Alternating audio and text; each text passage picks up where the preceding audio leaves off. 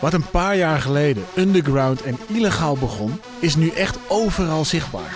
We zijn onoverwinnelijk. Een leger van gabbers, van liefde en kameraadschap. En dat op 180 bpm, want de muziek wordt steeds sneller. Gabber is overal. Op tv, op de radio en in de bladen. Al heb ik in Hilversum nog niemand gezien of gehoord die het echt heeft begrepen. Op het schoolplein staan skaters, alto's, nerds en kakkers. Maar de gabbers, de gabbers, die zijn met meer. We zijn echt een global hardcore nation. Er staan zelfs hardcore tracks in de top 40. Wie had dat gedacht? Nou, ik snapte het al lang. Zie je wel, hardcore is het beste wat er is. Hardcore is geen hype. Hardcore will never die.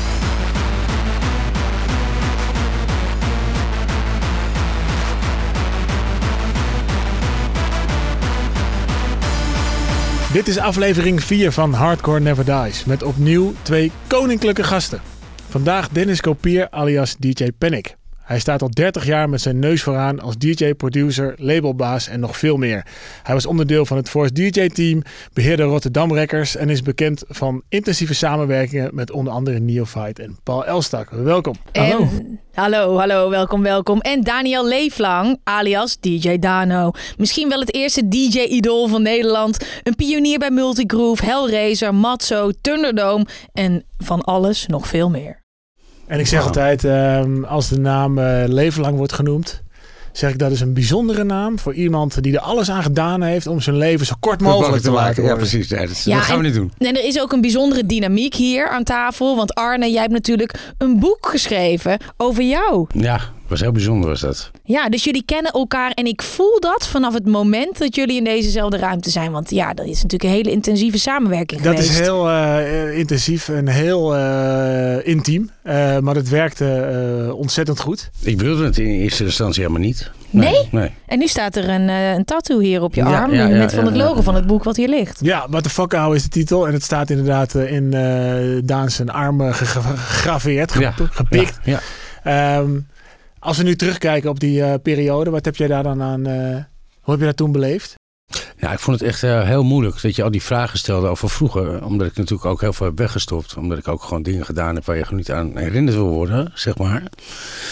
ik heb ook haar rond die armen gelegen een paar keer. En, ehm, maar toen ik het, toen het uit had, toen je het helemaal af had, toen las ik het. En toen moest ik toch een traantje pinken. Zo van, what the fuck. Ja, en je hebt gestruggeld met onder andere angsten, verslavingen. Ja. Gebrek aan artistieke vrijheid. En dat is allemaal heel mooi gebundeld in dit boek. En ja, Arne, jij kan dat natuurlijk niet promoten. Maar ik denk als je deze podcast vet vindt. Uh, what the fuck, ouwe, is een heel mooi vervolg. Mocht je nog niet gelezen hebben. Zeker. Gaat goed, hè? Zeker. We gaan goed. Ja, zeker. En nu Dennis. geen boek. Um, ja, maar dan hebben we dat in ieder geval even besproken. er is een boek geschreven door jou, over jou. Um, uh, maar we zitten hier met z'n allen aan tafel. En we beginnen eigenlijk altijd een heel klein beetje bij het begin, toch? Zullen we gewoon even beginnen met de connectie met hardcore? Mijn liefde voor hardcore begon uh, ook in, uh, in 93. Toen was het nog geen, geen hardcore eigenlijk. Het was nog house. Dat is echt in de kinderschoenen. Toen had je echt, was het meer techno, denk ik, house. Ja, dat is echt wat, wat, wat Daan ook mee begonnen is in die tijd. En uh, ja, dat vond ik al heel vet. De, de, de elektronische muziek en de, de, de bliepjes en de, de, ja, de, die, die muziek op zich was echt zo vet. 93 was het toch al wel sprake van hardcore? Ja, maar dan heb ik het misschien over 92, 91 dan. Dan gaan we een mhm. stukje verder terug. Want ja, ja en dan, op een gegeven moment, om een sprongetje te maken, werd het echt wel een splitsing in, in house en hardcore, zeg maar. En dan moest je echt een kant pakken van ja, ga je naar het hardere werk of ga je naar het, ja, het zachtere werk. En mij trok echt het hardere werk, uh, dat vond ik, uh, vond ik helemaal geweldig. Dus ja, dat was ik gelijk verkocht. Uh, al die hardere platen, al die eerste Rotterdam Records, Mokum Records, Idem Dito, al die labels, Roughneck. Allemaal kopen, allemaal naar de, de platenzaak en allemaal verzamelen. En snel ook bij Midtown gaan werken in die tijd. Was een platenzaak trouwens. een platenzaak, ja. ja. En ja, ik, ik, ik, ik, wilde niet anders. Altijd op de zon, op mijn kamertje, lekker mixen. Altijd die harde, die harde, harde, harde attacks. En uh, ja, geweldig. maar wat dan? Want je hebt het over hard, hard, hard, hard, hard. Maar als je dat gevoel moet uitleggen aan iemand die niet van hardcore houdt. Wat nou, zit daar? De, de energie, denk ik, die in die muziek zit, zeg maar. De energie die je hoort, de drive van de muziek, het gevoel. ja, soms is het ook moeilijk te omschrijven, maar het is echt van binnen dat je echt denkt, ja, lekker. Weet je, deze platen zijn zo hard en die kicks. En sommige gaan weer extreme. Oh, en dan hoor je dat weer. Hoe hebben ze dat weer voor elkaar gekregen? En ja, heel die drive van die, van die, van die tracks gewoon. Weet je, dat was gewoon echt, ja, je wilde gewoon meer en harder. En dat trok je gewoon echt. Welke plaat staat voor die tijd? Van de, voor die tijd. Jouw begintijd, jouw, toen je in aanraking kwam met hardcore. Uh, zo, dat is een goeie. Ik zou zoveel platen. Uh, maar in die tijd, ja, de, eerste Roughneck denk ik wel. De eerste Roughneck platen. Uh, Rotterdam platen. Ik wil een naam horen. Ja. Oh. Uh, dat is moeilijk, hè? Dat vind ik zo moeilijk. Vind dat. Ja. Er zijn zoveel goede producties. Dat is eigenlijk een onmogelijke vraag. Ik ga het nog vaker vragen. In, in, uh, even uit mijn hoofd. Denk Wedlock, Kingdom, Alice the User. Ja, dat is die tijd. Roughneck was ook Roughneck was echt wel een baas ook die, die tijd.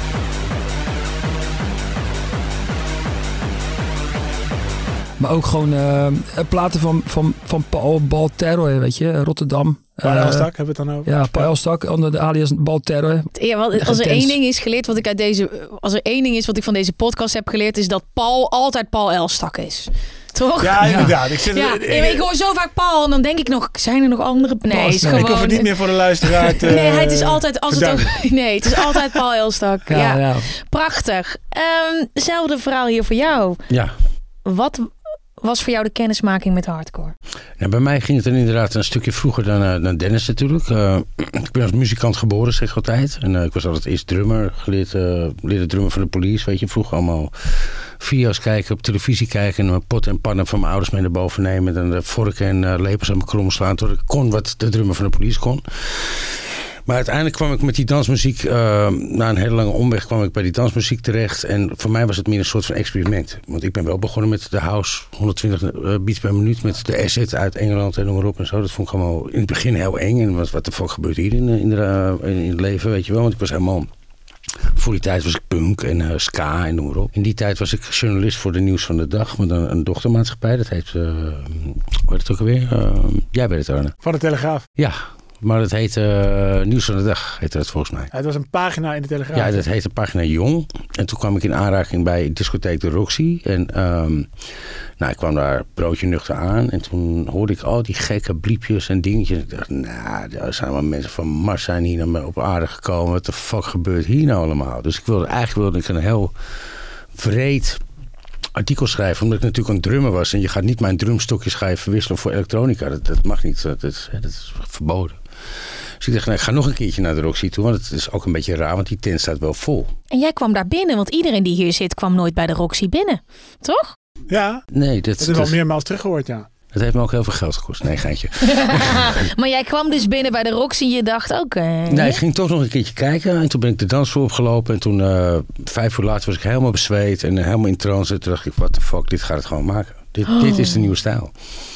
En voor mij als producent, uh, ik moest ook meteen al die apparatuur hebben natuurlijk. De 303 van Roland, dat was het apparaatje.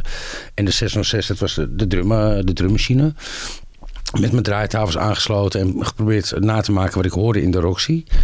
En toen dacht ik, maar wat nou als ik hem wat sneller zet? En wat nou als ik die, die bassdrum even iets harder zet? En, uh, en toen, uh, ja, ik was ook een van de eerste, zeg maar, die een plaat maakte. Die was 150 beats per minuut. Alleen toen had je nog niet de onderscheid tussen house en wat toen later hardcore werd. Maar ik weet nog wel dat ik toen, ik werkte toen ook in een plaatszaak in Amsterdam. En toen dat iedereen die kelder binnen rende van jij bent niet goed bij je hoofd, jongen. Het is veel te snel. Denk aan mijn hart, jongens. Ik krijg een hartaanval. Maar kan er niet op dansen. 150 beats per minuut is tegenwoordig gewoon uh, een appel en een peer. Dat ja. is een cocktailniveau. Ja, ja, precies.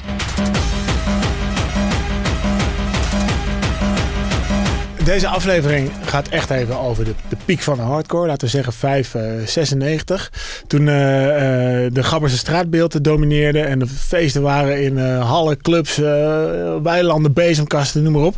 De snackbar zelfs. En dat er ook in, in de snackbar. Ja. En, en dat er ook in koortsachtig tempo al die platen maar gemaakt moesten worden. Mm -hmm. um, Dennis, hoe zag voor jou een, een week eruit in in 5 of 96? In 5 of 96. De week was uh, studio. Door de week in de studio. Uh, niet elke dag. Uh, ook een dag in de platenzaak werken. Nieuwe platen ontvangen. en het weekend vol gas draaien. eerst, eerst in mijn, mijn resident club Pompey. Maar dat ging snel, ja, doordat Paul mij bij het voorzieteam haalde, zijn we heel snel het land ingegaan. Dus en dat was het elk weekend draaien in binnenland en buitenland. Ja, van, van Rotterdam naar Enschede, naar Tilburg, naar Groningen. Ja, heel het land door. Kijk, voor nu, als ik zo jullie zie praten over deze tijd, dan zie ik dat was iets groots. Maar hadden jullie dat door op dat moment? Of zaten jullie een beetje in het oog van de orkaan? Nee. Oog van de orkaan. Ja? Ja. Gewoon ik, vooral ben, ik ben nog aan het landen volgens mij. Ja, vooral genieten denk ik van alles. Vooral genieten denk ik. En meemaken en doen. En, en ja, wat ik zei, ja, puur genieten. Puur niet echt beseffen wat je doet. Of dat je dat heel groot mee was. Want in die tijd was het ook niet zo van, ja, DJ is de, de ster. Dat werd, werd op een gegeven moment wel steeds meer zo. Maar toen die tijd was het niet, uh, ja, je draaide platen en dat vond je al tof. Ja, maar het was, het was, ook wel totale chaos. Ik kan me nog wel herinneren dat ik zo'n Ford Tundro bezig was. Die, dat was een soort van fabriekje. werd op woensdag werd je gebeld dat je op vrijdag uh, drie nieuwe tracks af moest hebben. Dus ik belde dan meteen de dealer op. Zat uh, drie dagen opgesloten in mijn, in mijn studio. maar ik had wel die, die drie tracks af. Maar op dat moment belde ook Australië. Of ik voor het eerst naar Australië wilde komen draaien. Toen, toen, zei ik nog tegen die promotor, ik zei, ja, dat wil ik best doen. Maar ik moet wel de dag daarna terug, want ik moet al die tracks afmaken voor Thunderdome. Die man die kijkt, die, als hij me aan kon kijken door de telefoon, had hij me aangegeven, jij bent niet goed bij je hoofd. Maar ik zei van, nou, ik moet echt terug. Dus oké, nou goed, ik ben in 24 uur heen gevlogen. In totaal ben ik inclusief kangoeroes kijken, shoppen en een feest vieren ben ik daar 12 uur geweest en weer 24 uur terugvliegen. Ik heb gewoon twee weken lang heb ik als een soort van meloot door de straat gelopen alsof ik nog in een vliegtuigstoel zat. Dus ja, het was een totale gekhuis ook. Totaal niet door wat er, wat, er, wat, wat er allemaal gebeurde. Maar het was overal in de wereld explodeerde het. En iedereen wilde dat je daar was. Maar, maar wat was je ambitie op dat moment? Want dit klinkt groot, groter, grootst. Uh, muziek maken, muziek maken, muziek maken. En gewoon, uh, je voelde dat alles borrelde. Mhm. En dat het echt inderdaad nog groter werd en nog groter wordt. Dus, en op dat moment sta je op dat podium en je wilde gewoon uh, wat je maakte, dat moest uitkomen ook. Je wilde aan de wereld laten horen wat in jouw lijf, in je hoofd zat. En het was nieuw, het was vet, het was eh, cool en, en dat wilde je uiten. En dat, uh, en dat delen met de mensen eigenlijk. Delen met de mensen, dat, dat, is, dat is gelukt. Delen je, je, wat jij tof vindt, dat wil je ook delen met de mensen, zeg maar. Dat was voor mij vroeger ook. De raam open, hup, luisteren. Kijk eens wat ik heb, nieuwe plaat. Iedereen moet horen, iedereen moet weten dat ik die nieuwe plaat heb. Vond er ook publiek voor het Nou, nee, nee, dat niet. Alleen boze, boze buren. Maar bij wijze van, weet je, we hadden altijd vriendjes die kwamen luisteren. Hoor dan, raam open en laten horen. En dat, ja, zodra je dat kon doen in het echt in een discotheek of later op een feestje. Ja, dat is het geweldigste wat er is. Gewoon. Iedereen in die tijd hield van de muziek. Ze komen naar een feestje. Ze zijn idolaat van je. Ze zien je op een flyer staan en dan sta je daar voor dat publiek. Ja, ja maar dat is, dat is onwerkelijk. En, en, ook, en ook wel mooi. Weet je, ja, het is. Ja, het is uh, als je eerst klein begint en je gaat daarna naar een hele grote reef, dan is het in het begin best wel spannend en zenuwachtig. Maar later is het gewoon uh, ja, puur adrenaline, puur genieten. En ja, je, soms stijg je ook boven jezelf uit, weet je. Dan zeker als het lekker gaat met draaien en dan ja, en je ziet al die mensen helemaal gek worden. Ja, ik kan niet anders omschrijven dat het een van de mooiste dingen is die er is. Hoor, ja, en, en, mag ik toch even toevoegen? Het, het, was ook een soort van opvoeding. Want je kon de mensen nog opvoeden. Van dit is nieuw, nieuw. Tegenwoordig zijn we zo verwend met wat er allemaal is. En toen was het allemaal nieuw, weet je wel. Dus je kon echt gewoon iets nieuws maken. Wat niemand ooit had gehoord, weet je wel. Het was ook allemaal nieuw, hè, sowieso. In 96 ook nog? Ja, ook nog. Zeker, zeker, zeker. Hoe voelde het voor jou om daar te staan? Ja, ik werd er heel bang van. Dat is ook uh, wat mede in mijn boek staat. Ik kon het uh, succes heel slecht aan. Ja? Ik uh, meer zoiets had van, ja, jij scheidt ook op de turret en ik ook. En weet je, ik ben ook naakt geboren net als jij. Doe even normaal. Jij hebt een lantaarnpaal voor mijn deur gebouwd en mijn straten gemaakt. Wie ben ik beter dan jij, weet je wel? Mm -hmm. En hoe ging je daar dan mee om? Nou, ik heb me gewoon zwaar verstopt in alcohol en drugs en ja, zo van doe, doe maar even normaal, weet je. Want dat, dat, ik ben hetzelfde als jij. En dat, uh, in het begin kon ik dat allemaal nog wel aan. Totdat op een gegeven moment een keerpunt komt dat de drugs jou gaat gebruiken. En dan ben je te laat. Dan geef je de duivel een kus eigenlijk. En dan is het te laat. Dus je zag in de ogen van mensen iets dat jij niet was. En dat vond je verwarrend. Ik vond het gewoon waarom ben ik beter dan jij omdat ik een plaatje maak? Mhm. Terwijl jij gewoon, godverdomme, ik weet niet hoeveel uur voor een kassa bij een, een van de supermarkt werkt. Waar ik mijn eten haal, weet je wel. Maar wat, ik denk dat het in die tijd ook niet zo was hoor. Denk ik, als ik voor iedereen mag praten. denk dat het helemaal niet zo'n item was, denk ik, in die tijd. Dat niemand zo dacht. Qua DJ's. Toch dat iedereen Geen wel... capsones bedoel je? Nee, nee. Dat iedereen wel oh, goed met elkaar omging. Collegiaal, altijd leuk en gezellig. Ja. Iedereen zit anders in elkaar, ja. Is ook, is ook, maar je hebt ook niet voor niks zeg maar de, de club van 27 die uh, allemaal overleden zijn, weet je wel. Ja, ja is, is ook, is ook. Dat is ook zo. Dus en ik hoor jou dus heel erg, je, je, zit gewoon, want ja, waar kom jij vandaan? Rotterdam? Of ja. ja, ja, is gewoon een hele nuchtere Rotterdammer. En als ik ook zie wie wij hier hebben zitten de hele tijd, zie ik een groot verschil tussen Rotterdam is gewoon, nou, uh, weet je wel, gewoon. En ik, en, en qua gevoel snap ik heel erg goed wat jij ook zegt. Dat het zo vervreemdend kan zijn dat je midden in zo'n hype staat. En mensen staan daar en jij denkt, doe eens normaal. En dat vind ik een heel mooi contrast tussen jullie. En dat kan me in jullie allebei vinden. Ja, precies. Het is, het is, al, het is allebei wel normaal doen. Maar de ene is misschien het meer het op je afkomen of denken van... Oh, weet je, je wordt zo de hemel in geprezen. Waarom, weet je? En uh, het is met beide benen op, op, de grond blijven. Ja, ik denk dat dat wel... Uh, moet je maar kunnen. Ja, Moet je ja ik, ik, ik, vond het, maar ik vond het ook leuk om heel vaak publiek in te gaan. Ik doe het nog steeds, weet je. Ik bevind me heel vaak onder de mensen. En had jij ook, Dennis, had, jij ook een, uh, iets van, een, van een, een, plan? Had je een carrièreplan? Ik doe dit en dan misschien dit een label of dit of dat? Nee, nog steeds niet hoor, zal ik zeggen. Oh, nog steeds niet? nee, het was... Uh, het was vooral het, het, het uh, veel draaien. Uh, tuurlijk, veel draaien. zorg dat je dat je overal aan de bak kwam. Produceren wel, weet je, dat is wel was dat mijn doel geweest, maar ik had er nooit geduld voor. Uh, maar echt een carrièreplan, nee. Ik werkte in de plaatszaak, vond ik leuk. Ik deed vooral wat ik leuk vond eigenlijk. En daar was ik al heel blij, ben, blij mee en heel dankbaar voor dat ik dat kan doen. Dat heb ik wel. Ik besef me heel goed dat ik heel dankbaar mag zijn dat ik dit mag doen, zeg maar. Weet je, dat je dit kan doen en uh, mensen blij kan maken, mensen naar de zin kan maken. Ja, dat is wel uniek. En dat bewustzijn had je toen ook al? Dat had ik zeker wel, ja. Zeker.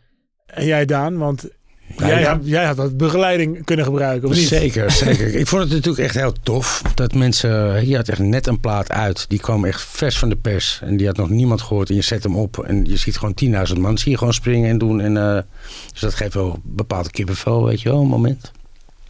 Maar ik vond het ook gewoon heel eng. Het gek is, als jongetje van achter wilde ik heel graag beroemd worden. En dan ben je het. En dan krijg je, wat de fuck gebeurt hier nou zeg. Hey, doe even normaal. En had jij geen eh, steun, want dat is ook wel een, mooie parallel. We hebben hier natuurlijk Amsterdam, Rotterdam. En jullie zaten ook allebei in een uh, collectief. Uh, min of meer los vast, maar in ieder geval een, een collectief. Jij zat natuurlijk in het Dream, Dream team. team. Wie zaten daar ook alweer allemaal in? Busfus, Gizmo en de Prophet. En Dennis, jij zat in het Force DJ team. Wie zaten daarin? Met Paul Elstak en Lars. En had je niet, ik bedoel, jullie zaten in hetzelfde schuitje. Jij zegt dat, uh, zij altijd, we werden gelanceerd, maar jullie werden allemaal gelanceerd. Hadden jullie niet dan bij elkaar dat je dat kon behappen of zo? Nou, Dof, de Prophet, die was daar wat verstandiger in. Die, uh, die keek het veel meer met uh, zijn beide benen op de, op de grond dan, dan Bussers en, en Ferry, Kismo bijvoorbeeld. Zakelijker. Veel zakelijker. Wij, uh, wij niet met z'n drieën. Dat was gewoon meer lang leven de lol en let's go. Dus dan juist gaat de andere kant op. In plaats van uh, elkaar steunen en gewoon allemaal een beetje last en elkaar daarin meetrekken. Ja, het was niet elkaar, uh, wat dat betreft, niet, uh, nou, Dof die heeft zich echt fucking geërgerd, continu steeds, weet je wel. Omdat uh, had ik weer een vliegtuig gemist of bussen helemaal wappie achter de draaitafels en noem maar op. Dus maar hij was vanaf het begin af aan was hij al veel meer van, nou, dit is wat ik wil, zakelijker. Hij keek veel zakelijker naar, naar, naar de muziek. En wij waren meer van, we zijn hier om te feesten. En, uh, ja, maar lijkt me zo moeilijk ook, hè? Want jullie zijn in een scene en dat heb ik nog steeds als ik naar DJ's kijk. En dat is natuurlijk nu iets anders, want het is gewoon wereldwijd. Kijk naar wat DJ's doen, dat was toen nog niet. En dan is het toch ook heel veel feest. En dan is het leuk en er is drank en er is drugs. Dan moet je sterk in je schoenen staan. Wil je daar, zeker in de jaren negentig, een steady, gezonde carrière uitslepen. Wij, wij waren dat wel, Rick. Wij waren eigenlijk wel een braaf... Uh een braaf DJ-team. Ja, jullie waren heel braaf, ja. ja, ja. Wij, wij, dronken niet, wij, wij, ja, geen drugs. Echt waar? Ja, ik zweer het. Ja, vind ik vet. Ja, maar dronken, dronken wel, maar niet dronken zeg maar wasted of zo. Ja. Wel een biertje of een beetje of, een, mm -hmm. of, of, of, weet je, iets anders, maar, maar niet, uh, zeker geen drugs. De Absoluut verleidingen, kijk, iedereen is daarin natuurlijk ook anders. Ja. Maar voor veel mensen veel mensen die in het publiek staan, die zouden het niet kunnen. Nee, maar het is misschien een persoonlijk ding. Ik bedoel, ik heb, hem, ik heb ook wel eens een pilletje genomen en dat was in uh, 93 en die viel zo verkeerd dat ik dacht van ja, dit is niks voor mij. Dus ik was er ook gelijk klaar mee. Ik wil controle houden over de situatie. Dus zelfs met draaien, ik wil controle houden wat ik doe. Ik wil aanwezig zijn, ik wil gefocust zijn. En dus, dus je wil altijd wel erbij blijven hoe je... Ja. ja, dus dat was jouw eerste keer. En jouw eerste keer was dat meteen... Dit is wel echt heel leuk. Ja, het was meteen, uh, hier wil ik meer van. Ja. ja. Dat is dus het verschil. En ik heb Spuitslik gepresenteerd, waarin ik mensen heb gesproken dat de een zegt vet leuk, recreatief, misschien nog een keertje. En de ander, ik ben gewoon verkocht. Ik, ik heb geen middenweg. Als ik iets doe, dan doe ik het of wel of helemaal niet.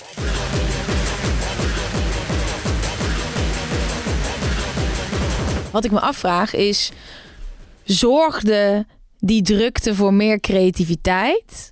Of werkt het juist verlammend? Kijk ik eerst naar jou. Mm, beide wel. Ja? Ja. Ja, ik heb door de druk wel hele, sorry, hele toffe dingen gemaakt.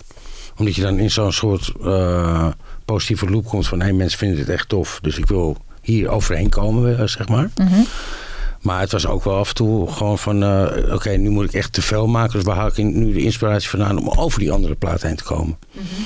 Dat merk ik ook wel aan bijvoorbeeld een uh, Chosen Few... die in mijn ogen nooit meer over de nemen van de DJ is gekomen. Weet Wil je een beetje water? Ja, lekker, dank je. Oh, je bedoelt of die over die, die track heen zou gaan met een... Met een nog met een betere track, ja. weet je wel. Ja. Dus ja, er zit wel degelijk, degelijk een soort druk op ook, weet je wel. Van uh, hoe kom ik nog beter dan die vorige platen? Hoeveel platen maakte je per maand? Ach, poeh, dat is echt in de drukste periode waar we het nu over hebben. Vier, vijf. Dat is veel, hè? Zoveel. Ja. Holy shit. Maar we moesten ook, ja. hè? De Tundro moest op tijd gedrukt worden. Voor mij ging dat ook ten koste van kwaliteit soms, denk ik dan wel. Merkte kan bijna niet anders Ja, ik merk, ik merk het wel als je, als je vergelijkt, weet je, dan uh, hoe vrijer je bent met muziek maken, hoe makkelijk het gaat. Hoe minder zakelijk het nog is, hoe makkelijk het gaat. Want dan is het nog leuk, creatief op het moment dat het zakelijk wordt en dat het moeten wordt, dan wordt het wel lastiger. Dan word je creatief toch beperkt en je moet dingen af hebben. En terwijl je niet, ja, creativiteit moet ook komen. Ja, maar ik, ben in deze periode ben ik ook behoorlijk uh, door het slijk gehouden door de Belastingdienst. Dus, ja, uh, ja toen was mijn creativiteit heel ver te zoeken. Ja. Heel ver te zoeken. Dat is rond 96 geweest, echt, uh, nog in mijn topjaren zeg maar. Ik was, ik was nog helemaal hyper en helemaal klaar ervoor. En toen had ik in mijn hoofd, moet ik niet eens een keer belasting gaan betalen of zo. En dat is natuurlijk best wel een nobel gedachte ja. dat je dat bedenkt. Want Helaas iedereen, wel, ja. iedereen betaalt belasting. Alleen niet over nagedacht dat ik uh, te eerlijk moest zijn tegen ze. Want ik heb gewoon alles op tafel gegooid. Op dat moment had ik net een huis gekocht van mijn ouders. Ik was net mijn studio aan het inrichten met de apparatuur voor ik weet niet hoeveel ton. Ik had uh, twee ton aan platen liggen. En ik heb gewoon alles heel lief en verteld. En die man, die klootzak heette nog meneer Tax ook. Ik dacht dat hij een geintje maakt, maar het is gewoon echt waar. Ja. Ik zweer het je. Ja, die heeft er meerdere te grazen genomen. Had ik maar gif in zijn koffie gegooid, ik zweer het je. Ja. Um, maar toen uh, zei ik ook tegen hem van, nou, dit zijn mijn agenda's, dit zijn mijn zwarte boekingen, dit zijn mijn, mijn witte boekingen. Mijn ouders hebben mij altijd geleerd, eerlijkheid overwint alles. Dus, ja. dat, dus zo was ik. Nou, toen die man die schreef alles op en die zei van, nou oké, okay, je hebt 80.000 uh, gulden aan boete. Ik zeg, sorry. Hij zei, ja, want je hebt geen bonnetjes. Ik zeg, ja. ik doe het voor een hobby. Het is een uit de, uit de hand gelopen hobby. Maar daar had hij scheid aan. En toen zat ik ineens voor 3,5 ton zat ik in het schip. Nou, dan kan je geen muziek meer maken. Nee, nee, nee. En hoezo 3,5 ton dan als je 80.000 euro, 80.000 gulden schuld hebt? 80.000, dat was alleen de schuld. En toen ja. met mijn zwarte boekingen en allemaal andere boekingen en mijn inkomsten van mijn platen kwam ik op 3,5 ton. Wat ik nog achterliep bij de Belastingdienst wat ik moest betalen. Hoe oud was je toen? Nou, 96. Dus ik, uh, hoe oud was ik dan? Uh, 26. 26. Hoe oud was ik toen? Ja, 26. Goedemorgen. We hebben Sander Groet natuurlijk ook gesproken. Zoveel jonge gasten in deze scene die al op hele jonge leeftijd een hele dikke schuld kregen. Ja. Allemaal vanuit hun liefde voor muziek. Het gekke is, de, de plaat die ik het snelst heb gemaakt, die verkocht het beste. Als ik ergens twee weken mijn beste op deed, verkocht het helemaal niet. Maar ik denk, ik denk dat ook op een gegeven moment, hoe de jaren vorderden, dat daar ook wel meer naar gekeken werd, denk ik. Dat het wel meer kwaliteit werd. Uh, uh, de, spullen, de apparatuur werd beter, de producers werden beter. Uh, dus het, de lat ging wel hoger liggen dan in het begin. Gelukkig wel, ja. Hoeveel, le hoeveel leverde een, een plaat, een, een, single op een Nightmare of een Thunderdome CD op? Ja, dat is moeilijk uit te rekenen altijd. Ik denk dat we zo 90 ruggen per jaar extra verdienen aan plaatinkomsten. Hartstikke idee. Makkelijk, ja. Voor ieder anders, hè? Dan ligt aan hoe je produceren. En dan vond ik het ook heerlijk om mijn hele familie mee op vakantie te nemen. Weet je? En ik had het geld, ik, dus kom erop. Weet je, ik, af en toe ging ik ook in mijn plaatkast ging ik, uh, platen uitzoeken voor een, uh, voor een gig. Viel er weer een envelopje uit. Oh, 1500 gulden. Hé, hey, was ik helemaal vergeten. Oh, nog een envelop. Ja. dat, was ook, ja. dat was ook vroeger natuurlijk. Alles cash afrekenen, alles contant. Dus niet, niet allemaal nu, wordt het allemaal, allemaal via de bank, allemaal netjes. Welke plaat symboliseert voor jullie de jaren 90. Begin ik bij jou. Ik denk als ik dan kijk, misschien Paul Elstak Life's Like a Dance. Oh. Vind ik wel een hele, vond ik wel een hele toffe plaat. Maar ik, ja, ik ken ook Inferno Brothers Slave to Drave. Dat was ook een dikke plaat. Uh, bijna alles van Michael Cadipanen was, was dik. Weet je? Ik kan hier geen antwoord op geven. Nee, nee, nee, platen. Ja, wat een slappe hap daar. Maar eentje, maar als je in je, je ogen dicht doet in je onderbuik en je denkt aan deze periode. Ik weet dat het er 50 zijn, maar als je de luisteraars, die hebben geen idee. Of the fifth, here we go again. Ook zo eentje, ja. Ja, dan zeg ik, dus hele, ik vind het zo moeilijk om één plaat te noemen.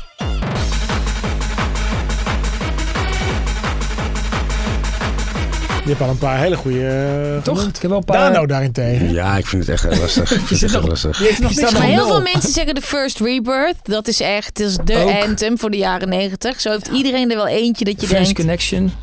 Ook een dikke plaat.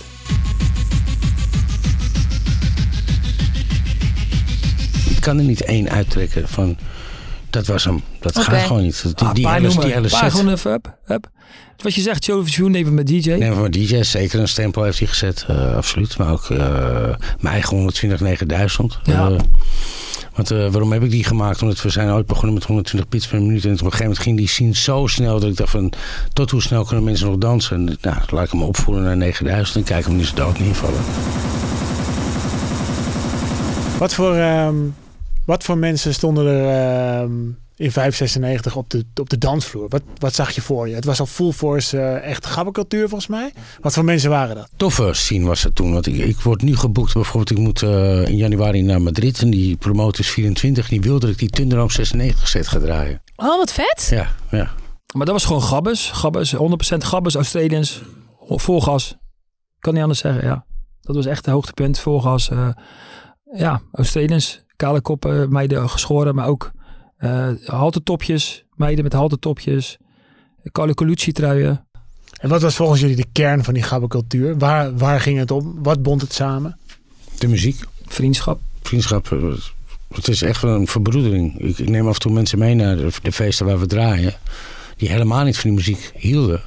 Maar echt een flabbergasted zijn van wat, wat, wat, wat een vette sfeer hangt die Niet normaal gewoon. Het, het heeft iets heel magisch. En het is echt wel heel tof. En staat dat nog, over, nog altijd overeind? Of is dat iets wat in de jaren negentig is achtergebleven? Nee, dat staat nog wel overeind. Het is alleen uh, wel heel anders geworden. Ik, ik heb nu voor het eerst ook, was ik op de allerlaatste Tinderome op uh, eh, 9 december. Toen was ik ook voor de openingstijd een keertje. En ik ga toch eens kijken hoe dat is. Ik moest zelf ook om 12 uur met uh, bussen en gizmo.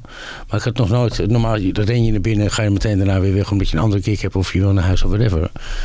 En ik zag een hele lege zaal in de main. En ik zie uh, de deuren gingen open. En ik zie iedereen echt naar binnen rennen. Alsof ze naar Pearl Jam vlogen of zo. Een, een, echt een concert had ik nog nooit meegemaakt, weet je wel.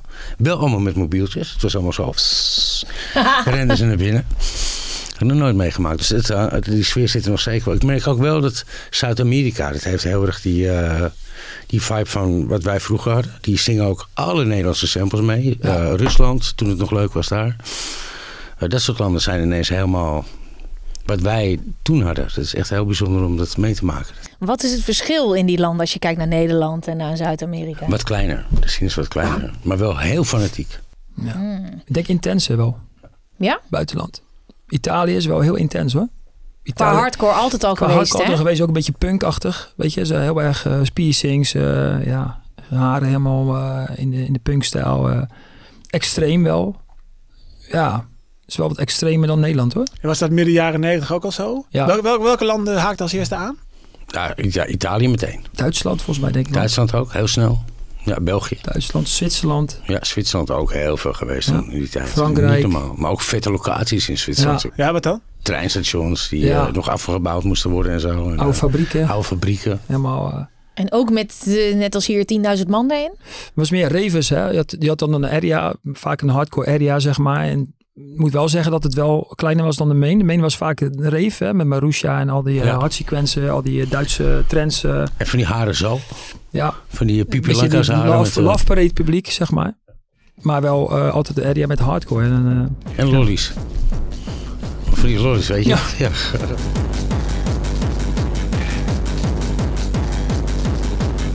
Mijn mooiste herinnering is dan toch echt wel uh, met het Dream Team een tour door Australië. Mm -hmm. Dat we aankwamen in uh, Brisbane. En dat is daar lekker warm. En we kwamen dus korte broekjes. helemaal hyper, helemaal blij. En, uh, toen waren we nog hele goede vrienden van elkaar ook. Dus om heel zand kwamen we het vliegtuig uit, bij wijze van spreken. En we kwamen op het feest in Brisbane en iedereen was helemaal uitgelaten. En, en, en blij dat we er waren. We mochten met een limousine mochten we die kant op. We voelden ons ook nog de sterren van de, van de wereld.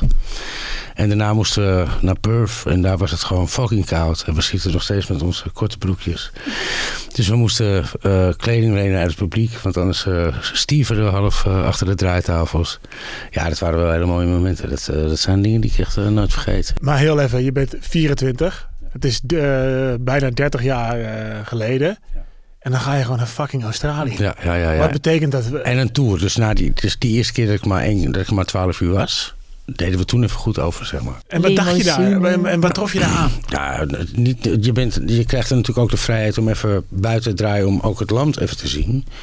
Nou, ik heb daar echt de mooiste natuur van de, van de wereld ook gezien. Ik heb daar zelfs boven op een waterval gestaan. Dat ik dacht van, terwijl ik nooit over de dood nadacht. Maar ik denk, als ik ooit die klotenziekte krijg, dan spring ik hier naar beneden. En dan ben ik voor de dieren.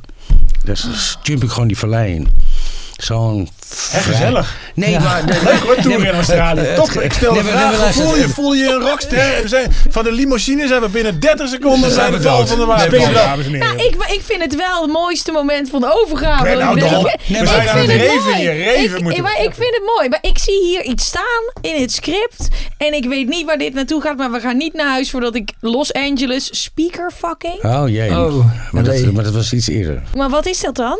Speakerfucking, dat is uh, zeg maar, dan heb je het uh, podium waar je draait. Maar het was trouwens een heel mooi moment, wat ik dacht in de vallei. Maar goed, anyway.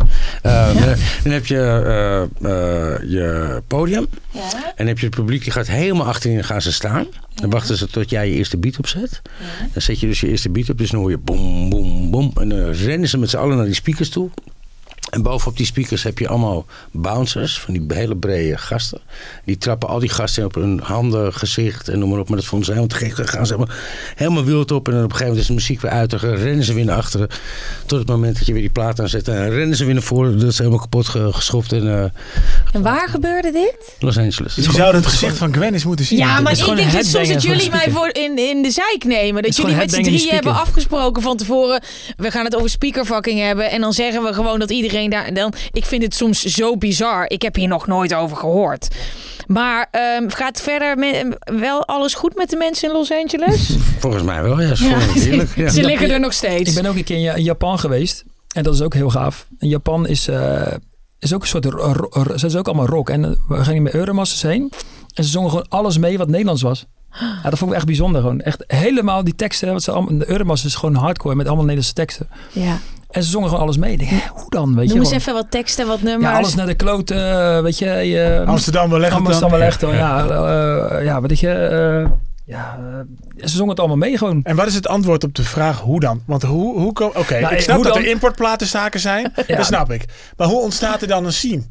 En hoe komen die tot hun eigen rituelen? Want het is evolutionair best wel vreemd dat wij aan het hakken zijn. Terwijl in LA denken ze, weet je, wij moeten wij we lopen vol gaan op de speakers af en dan laten we ja. pas back dat, dat is leuk bij deze muziek. Niemand van jullie, dat jullie het ook zo normaal vinden, vind ik ook zo raar. Jullie zijn ja, die denken dat ze je had natuurlijk geen, natuurlijk geen social media, niks. Dus ze konden ook niet zien hoe, hoe je moest hakken of zo. Dus hun deden op hun eigen manier, gingen hun los op die muziek. Ja, maar Dennis, dat was ook wel weer grappig. In hetzelfde, in hetzelfde Australië was er een ander toertje die we deden. Dat was een van de eerste toertjes die we deden. Van bij die waterval vandaan, hè? Nee, dat was, dat was daarvoor nog. Maar toen gingen al die gasten met hun bek zo draaien en zo. ja, volgens mij dronken ze helemaal geen alcohol, whatever. Dus op een gegeven moment ging busfus er naartoe. Maar ik zei van, waarom trekken jullie van die gekke bekken, man? Toen zei ze, maar dat zien we op die videobanden. Dat doen jullie toch ook in Nederland? Oh, ja. Die dachten dat dat moest. Die dachten dat bij de muziek hoorde. Ja, en alsnog zijn wij Nederlanders nooit naar de speakers gaan rennen. Dat is dan toch gek, hè? Nee, nee, nee. En dat vind ik wel gaaf. Dus, dus de standaard dus Nederland is wel, weet je, die, dit is wel vanuit Nederland ja. de wereld overgegaan. Sommigen hebben hun eigen draai aangegeven. En uh, in een hele, ja, toen de wereld nog niet helemaal verbonden was, kwamen die videobanden dus toch, ergens terecht. En die werden ook gekocht. Ja. Maar dat is toch, uh, denk je dan niet, Zaadje fucking hell, ik, ik ben een ster, ik heb het gemaakt. Ja, ja kom op jongen. Soms wel. Jawel, ja. Soms wel. Ja. Nee. ja, en wanneer dan? Maar, uh, Was dat een limousine? Ja, ook dat bijvoorbeeld. Ja, en, en één keer in New York, dat, dat je gewoon... Uh, ziet staan op zaterdag Grace Jones en op hetzelfde bord zie je op vrijdag de Dream Team, dan denk je wel, nou, dit is toch wel vet. Ja, dat is toch wel heel leuk. Dit. Dat is fucking vet. Het is wel, uh, ik zeg altijd, we hebben de rode lopen uitgelegd voor de nieuwe scene eigenlijk. Hè? Zeker. Weet je, de nieuwe scene met de hardstyle jongens worden toch anders behandeld als wij toen behandeld werden.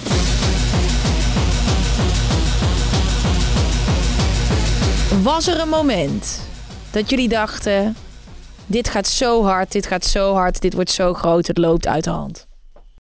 Ik had nooit verwacht dat het zo lang door zou gaan. Nee, dat had ik, ik dacht, dat, dit kan nooit jaren gaan duren. Dat houdt een keertje op, maar het houdt gewoon niet op. Dus dat, dat vind ik wel knap hoe krachtig die muziek dus is. Ja. Dat het nog steeds. En we zijn al drie generaties verder, ja, volgens mij. Dat nog steeds. En dat weet je wat ik we het over hadden. In de nieuwe techno scene. En, en dat je dan uh, nieuwe generatie uh, techno DJ's van 20, 22 jaar. En die dan afsluiten met een drie uur gabbeset. Voor kijk, muziek uh, uit Nina, de Nina Toch gaaf. Ja. Ja, ik vind dat wel cool. Nina Gravitz. Ja. ja. ja. ook. Ja. Uh, Sonne, Sonneveld, Randy Sonneveld. Ja. Dus de kracht van die muziek is zo uh, sterk. Maar het was toch wel zo, we hebben het nu over die piekjaren gehad, dat uh, na de piek kwam de dip. Ja. Uh, was er een moment dat jullie ergens al aan begonnen te voelen van, ah, dit jasje zit niet meer helemaal lekker, of ik zie mensen, of ik hoor dingen. Ja, ik denk het tempo. Op een gegeven moment ging het tempo, tempo werd te snel. En dat was een moment dat hoop producers ook wat langzamer qua tempo weer gingen produceren. En daar, ja, dat was een beetje een nieuw stijl noemen ze dat. Dat was wat langzamere hardcore. Omdat denk ik, ja, het was zo snel de tempo. En je ziet dat mensen vaker stilstaan doordat het snel was. Misschien dat ook mensen, ja, de gabbers zien een beetje wegging. Mensen wat minder drugs gingen gebruiken. En ja, dan gingen weer de club. En dus je ging de tempo weer omlaag brengen. En daar vloeide weer andere stroming uit. Zeg. Ja, daar was, was heel goed in, hè? promo. Maar ik weet, ja. van, ik weet van jou, Daan. Jij hebt dat echt beleefd als gewoon een soort implosie. Ja. Maar jij praatte over alsof het, ja, een kleine, kleine verandering van wat accenten. En verder ging nou, het gewoon door. Nee, ja, nou, het is, het is verder zo. Kijk, ik ben, ik was hardcore DJ, maar ik ben ook DJ, weet je. Dus ik, je wilde ook weer, uh, ik, ik, ik, vind het leuk om variatie te hebben, zeg maar. Dus je ging ook weer experimenteren met andere soort uh, uh, muziek. Verder kijken op dat moment. En dat werd dus uh, ja, nieuw stijl. Daarna werd het begin van de hardstyle. En daarna werd het ja, millennium om even sprongen te maken. Mm -hmm. Maar de lat ging ook weer nog steeds omhoog qua producties. Qua dus, muziek. Je, dus jij hebt je eigenlijk al aangepast. Of bent, bent gaan verbreden. Ja. Jij had het moeilijker gedaan. Ja, ik, ik, ik, was helemaal klaar mee even. Ja, zeker. Ja, maar ook wel heel veel tegenslagen gehad. Dat ik op een gegeven moment echt zoiets van... Nee, ik, ik was ook uitgeblust qua, qua muziek maken. Van, ik, heb al, ik heb eigenlijk alles al gemaakt wat ik wilde maken. En ik hoor niks nieuws. Alles gegeven. Ja, dat, dat gevoel had ik, ik, Alles wat ik ook uit hoorde komen, dacht ik, dat hebben we al gedaan. Dat ja. hebben we ook al gedaan. Dat hebben we ook al gedaan. Ja. Maar dat is nog steeds, hè? Ja. Eigenlijk. En toen wil ik meer de techno gaan proberen. En met Herman Brood heb ik dingen gedaan. En met uh, dichters en noem maar op. Maar dat, dat, als je die stempel op je hoofd hebt, dan kan je, mag je ook niks anders meer doen. Dus dat, ja, dat dat was heel, heel moeilijk om eruit te komen, weet je wel. Ja. Dat, uh, Zeker als je wat grotere naam hebt en je staat bekend om, dan ja, moet je vasthouden aan die sound. Want anders ben je uh, dit of dat. Ja. Maar, moet je ook scheid aan hebben. Maar. zeker. Als twee oudgedienden uh, die nog volop uh, in de scene zitten. Wat is het advies aan talenten die nu ambitie hebben in de hardcore? Ik zou zeggen, het moet vooral een passie zijn van je. Dus je moet echt graag willen. En uh, ja, je moet produceren tegenwoordig. Vroeger was dat wat minder, maar je moet echt produceren, uh, goede muziek maken. Vooral een eigen identiteit hebben. Dus niet gaan kopiëren, maar je, eigen ik creëren en, ja, en ervan genieten. Gewoon je passie erin steken. Het oude ambacht van DJ'en is niet meer voldoende? Uh, zou ik het wel doen. Het is wel, wel meerwaarde. Ik, uh, ik ken toevallig een jonge nieuw talentje, Tigo, kan ze naam wel noemen. Het is echt een, ja, een heel tof ventje en die draait ook met vinyl, uh, draait ook alle oude platen. Ja, ik vind dat zo uniek en leuk om te zien. Dus dat juich ik alleen maar toe, weet je. Dat, dat, voor mij heeft dat wel een streepje voor. En jij dan? Ja, het moet vooral van, vanuit je hier komen, vanuit je hart. En, uh, en uh, probeer iets te bedenken wat, je, wat jij echt voelt. En dan ga ervoor. Absoluut. Dus ik bedoel, de markt is zo volgepropt nu. Maar als jij het door blijft gaan, moet het zeker lukken. Heel veel dank voor nu, jongens. Graag gedaan. Graag gedaan. Dankjewel, man. Dankjewel. Ook. Ik heb genoten. Mooi zo.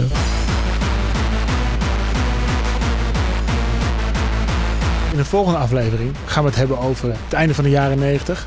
Met onder andere Dennis Doeland, uh, DJ Weirdo. Tevens de coördinator van de muziek, van de, de cd's waar jullie het over gehad hebben. Dan gaan we daarop door. dank voor alles en dank voor nu.